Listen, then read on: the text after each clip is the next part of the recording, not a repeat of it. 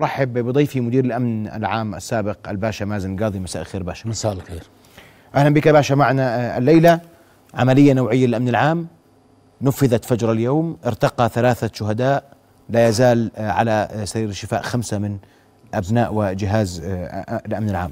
التقييم لما حدث باشا اليوم. رؤيا بودكاست. سيدي بداية اسمح لي أخ محمد أني أنا برفع خالص العزاء والمواساة لسيد البلاد جلالة الملك عبد الله الثاني القائد الأعلى للقوات المسلحة الأردنية. وأيضا نترحم على أرواح شهداء الوطن شهداء الواجب شهداء الأمن العام. أيضا نحتسبهم عند الله سبحانه وتعالى في عليين مع الصالحين والصديقين وحسن أولئك رفيقا. أيضا نقدم خالص العزاء لذوي شهداء الوطن ونطلب منهم الاحتساب عند الله ومزيد من الصبر والصبر هو رأس الإيمان. وأعتقد أن هؤلاء الذين ارتقوا إلى الرفيق الأعلى هم خسارة على الوطن. قدموا دماءهم الزكية الطاهرة النقية من أجل الحفاظ على أمننا واستقرارنا وكرامتنا وشرفنا وعرضنا. فمن واجبنا جميعا أن نترحم عليهم وأن نواسي ذويهم وأيضا نقدم التعازي لأنفسنا ولكل الشعب الأردني بهذا المصاب الجلل الذي ألم بنا سواء استشهاد العقيد البطل الدكتور الدلابيح وابن عشيرة الرحاحلة الغيث قاسم الرحاحلة وابن عشيرة النجادة وابن عشيرة الشقارين. إذا لاحظت سيدي دماء هؤلاء الشهداء انتثرت على كل مساحات الوطن في الشمال وفي الوسط وفي الجنوب مما يدلل على أننا شعب واحد في وطن واحد وجميعنا نحمل هم واحد وهدفنا هو الأردن واستقرار الأردن وأمن الأردن والحفاظ على وحدتنا الوطنية ونسيجنا الاجتماعي. أيضا مرة ثانية الرحمة والمغفرة لشهدائنا الأبرار. نعم.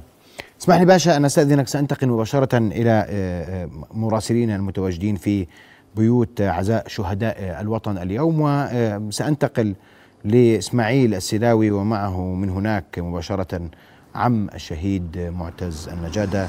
أترك الكلمة لك إسماعيل. محمد بالفعل نحن أمام بيت عزاء شهيد البطل معتز نجاده الشاب شهيد المحبوب وكما ظهر لنا في بيت عزائه من أهله ذويه ورفاقه.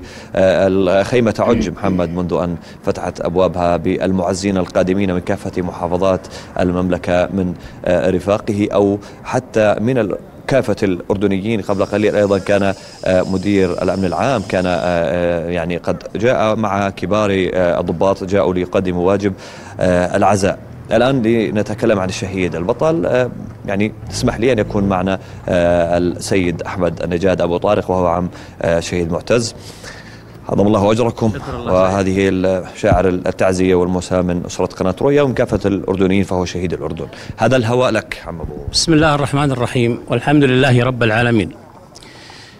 نحن أكرمنا الله سبحانه وتعالى اليوم بأن ارتقى ابننا إلى منزلة الشهداء والصديقين والصحابة. رحمة الله على معتز، معتز شاب مثابر ودائما ناجح في عمله ومن فضل الله سبحانه وتعالى هو الذي اختار أن يكون في هذا الفريق، فريق المهمات الخاصة. واختاره الله سبحانه وتعالى إلى جواره في هذا اليوم. وهذا البطل الشهيد هو شهيد كل الأردنيين. وقدم روحه فداء للوطن رخيصة. وكلنا مشروع شهداء للوطن.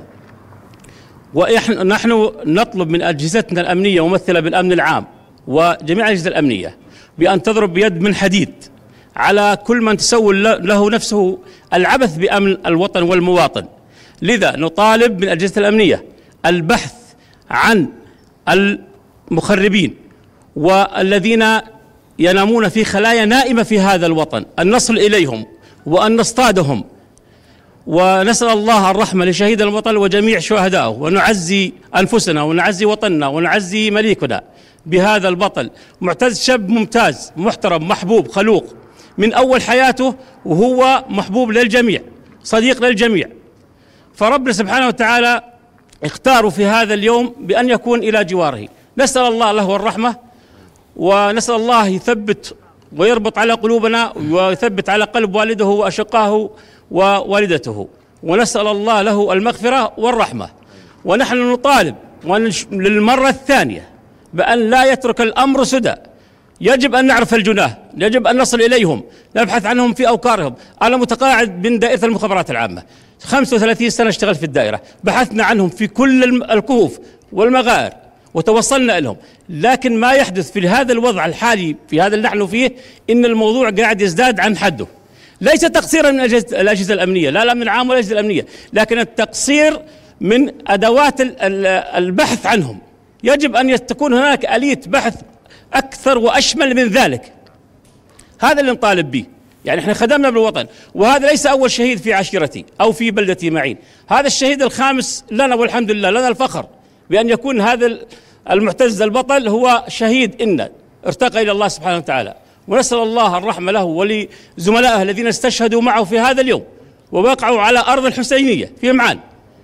ونحن لا نلوم أهل معان. نلوم, نلوم الأجهزة الأمنية أن نصل إلى المخربين النائمين في هذه القراية النائمة. وأن نضرب بيد بالحديد. ورحمة الله عليه.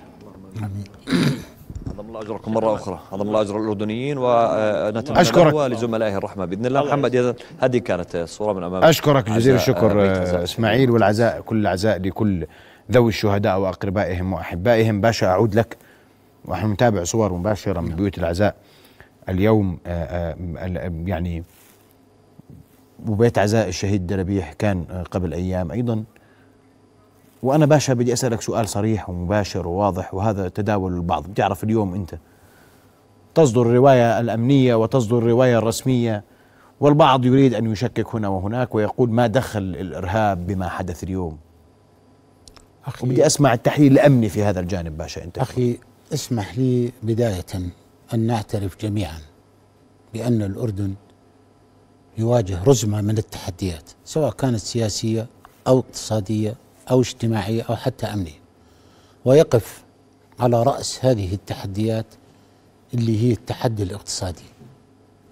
التحدي الاقتصادي. الأردن يعاني من أزمة اقتصادية معقدة ومركبة ومن ضائقة أمنية مالية حادة.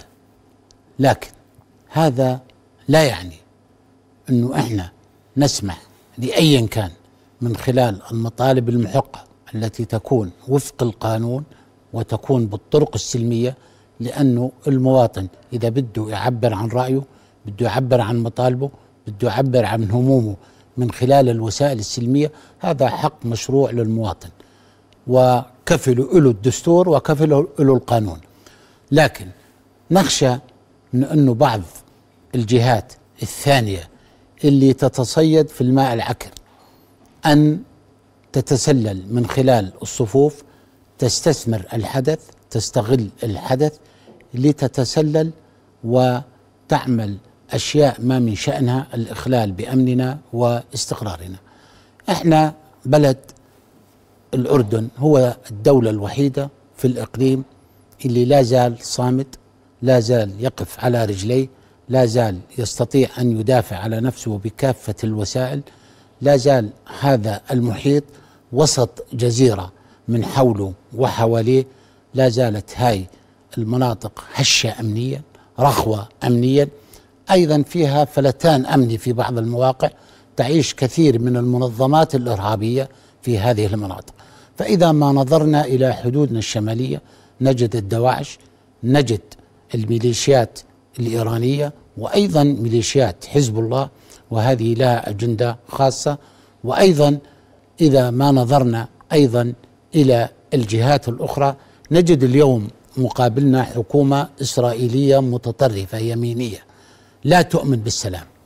وهدفها أيضا أن تنقل مشاكلها ومما تعاني من مقاومة الآن بالداخل الفلسطيني تحاول أن تنقلها إلى دول الجوار ومنها الأردن. تعلم ويعلم الجميع أننا في هذا الوطن من أوائل الدول التي كافحت الإرهاب والأردن ضرب أروع الأمثلة في مكافحة الإرهاب ومن أوائل الدول التي كافحت الإرهاب، ضف إلى ذلك الأردن من أوائل الدول التي كافحت المخدرات، المخدرات الآن أصبحت قضية إرهابية لأنه هاي الجريمة تمارس من منظمات إرهابية ومن دول ومجموعات عسكرية وأمنية تدعم هذه المنظمات من أجل الحصول على المال. إحنا الآن جيشنا وقواتنا المسلحة تقف حاجز منيع في الواجهة الشمالية وأيضا الواجهة الشرقية من أجل صد ورد كل المحاولات البائسة والفاشلة والتي تهدف إلى إدخال السموم إلى وطننا وإدخال الأسلحة وإدخال الممنوعات وأنت تعلم والجميع يعلم كم العمليات التي أحبطتها قواتنا المسلحة واستطاعت أن توئدها في مهدها ولم تتمكن من الدخول. حتى الشيء اللي بده يدخل للأردن كان يتابع ويلاحق من قبل الأجهزة الأمنية بالداخل ويحبط بالداخل. نعم. أيضا إحنا ما بندافع عن انفسنا أيضا بندافع عن جيراننا من دول الخليج العربي والمملكة العربية السعودية. أيضا هذه دول مستهدفة. أنا بدي أقول شغلة. لازم ما ننكر إنه إحنا كدولة مستهدفة أيضا. في استهداف للأردن. هذا لازم يعي الشعب الأردني ويعي الانسان الأردني. الآن الاستهداف المقصود للأردن خلينا نكون واضحين مستهدفين من الدواعش مستهدفين من تجار وممولي المخدرات والجهات الداعمة واللي تقف وراءهم مستهدفين من الملالين اللي بتدعمهم الملالي سواء الحشد الإيراني أو الحشود الموجودة في بعض الدول العربية اللي تم تأسيسها لتكون موازية للدولة الشرعية. الأردن هو الوحيد الذي بقى صامت وما قدر حد يخترق هذا الجدار. في محاولات لهذا الاختراق لكن الأردن على درجة عالية من اليقظة والحذر بهذا الاتجاه وعندنا أجهزة أمنية وأجهزة عسكرية وأجهزة رسمية تدرك هذا الحكي لكن وضعت الخطط اللازمة لتفويت الفرصة على كل من يحاول أن يتسلل ويدخل إلى داخلنا ويحاول أنه يجد موطئ قدم له بهذا الاتجاه ولو بنسب قليلة. نعم. الشيء الثاني أنت بتعرف الآن أن الحكومة اليمينية الإسرائيلية الصهيونية المتطرفة الآن في شيء اسمه صفقة القرن. تحاول إحياء صفقة القرن تحاول ضرب اللاءات الثلاث لجلالة الملك عبد الله كلا للوطن البديل وكلا للتوطين وكلا للرعاية والوصاية الهاشمية للقدس والمقدسات الإسلامية والمسيحية. هذا الصد وهذا الموقف الصلب والكل يعلم سواء على مستوى الأردن أو مستوى العالم العربي والإسلامي والعالم إنه في موقف ثابت لجلالة الملك حيال القضية نعم. الفلسطينية اللي هو إقامة دولة فلسطينية على حدود الرابع من حزيران. الآن الحكومة اليمينية المتطرفة بدها تعبث بالقضية الفلسطينية وبدها تصف القضية الفلسطينية على حساب الأردن وعلى حساب الفلسطينيين الآن لابد من إشاعة الفوضى بدول الجوار حتى هي تتمكن من تمرير هذا المشروع وأعتقد هذا المشروع لن يمر بسهولة إطلاقا فالأردن واعي ومدرك بقيادته وبأجهزته الأمنية والعسكرية لما يجري حوله وحواليه. فلذلك إحنا الآن ضمن هذا المحيط أي حدث بسيط في الأردن يستثمر ويستغل من كافة أطراف المعادلة اللي حوالينا حتى تشيع الفوضى في الداخل الأردني. إحنا عندنا ناس بسطاء ناس بتطلع بتعبر سلميا إلها مطالب قد تكون محقة الإنسان يطالب بقوته بيطالب بعيشه لكن ما بدنا نسمح للمستثمرين والمستغلين لهذا الحدث واللي يتربصوا فينا الدوائر. نعم. وأيضا في ناس لهم أجندة خاصة بالداخل الأردني. هؤلاء أصحاب الأجندة الخاصة يستثمروا مثل هاي الأحداث حتى يوصلوا رسالة للسلطات حتى يوصلوا رسالة حتى لجلالة الملك إنه إحنا موجودين وإنه إحنا مؤثرين وإنه إحنا المطلوب فاعلين. باشا اليوم لو سمح بدقيقتين. المطلوب اليوم. سيدي المطلوب. انه نكون على درجة من الوعي والحذر واليقظة نتكاتف جميعا صفا واحدا خلف قيادتنا الهاشمية. نحافظ على وطننا بنحافظ على كرامتنا بنحافظ على مقدراتنا على مكتسبات الوطن. أيضا نلجأ إلى لغة الحوار وإذا في تحديات يجب أن يكون في مؤتمر وطني يناقش كل التحديات اللي بتعترض سبيل هذا الوطن وبنضع لها حلول ناجعة. حلول منطقية موضوعية حلول في إمكانية لحلها وبنحلها تدريجيا حتى لا نسمح لأيا كان أن يعبث بأمننا باستقرارنا بوطننا يعبث بعيشنا يعبث بكرامتنا. فهذا الوطن من لما خلق ومن لما تأسس وهو بتعرض إلى التحديات. ومر الأردن بعثرات كثيرة ولكن استطاع أن يخرج منها معافى سليم بحكمة القيادة وأيضا بوعي الشعب. شعبنا الحمد لله واعي. شعبنا يدرك خطورة الموقف يدرك خطورة المرحلة وإحنا الآن في مرحلة دقيقة ومرحلة حرجة. لازم أن نكون منتبهين أكثر ونكون يقظين ونكون حذرين. حتى نستطيع أن يبقى هذا الأردن كما أردناه وكما يجب أن سيكون. نعم. أشكرك كل الشكر الباشا مازن القاضي مدير الامن العام السابق كنت معنا ليلى. أشكرك كل الشكر على حضورك. رؤيا بودكاست.